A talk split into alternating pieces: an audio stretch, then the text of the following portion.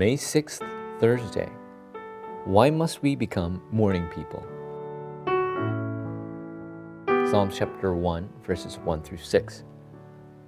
Blessed is the man who does not walk in the counsel of the wicked, or stand in the way of sinners, or sit in the seat of mockers.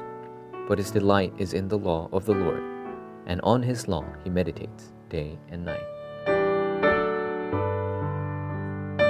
There are a lot of people who try and resolve to become morning people, but end up giving up.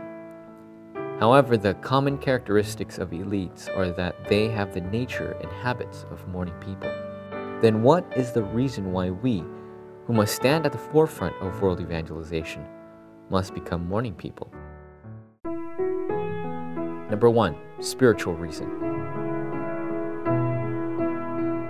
The best time to receive spiritual healing is the morning. Without becoming a morning person, meditating on the Word is very difficult.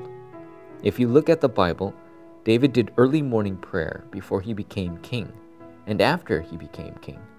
Daniel prayed three times a day, and one of those times was in the morning. Jesus also woke up early in the morning to pray. It is important to become a morning person because we are the most spiritually clear headed in the morning. Number two, general reason. A general reason why we must wake up early in the morning is that if we don't, we will not have any time to read throughout the day. Exercising is important for our health, and we won't find the time to exercise if we don't become morning people. Our studies will not go well. We need to be morning people to have some breathing room in our lives. Number three, competition with the elites of the world. It's beneficial to become a morning person if we are to compete with the elites of the world.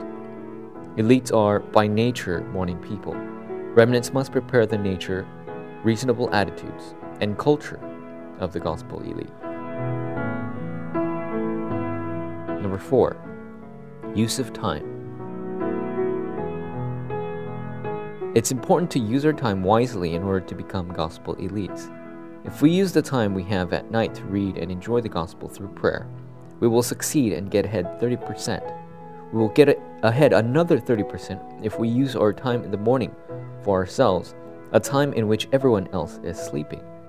Most importantly, we will get ahead another 40% if we use our free time wisely, we can get ahead 100% ahead of others, and we will absolutely succeed.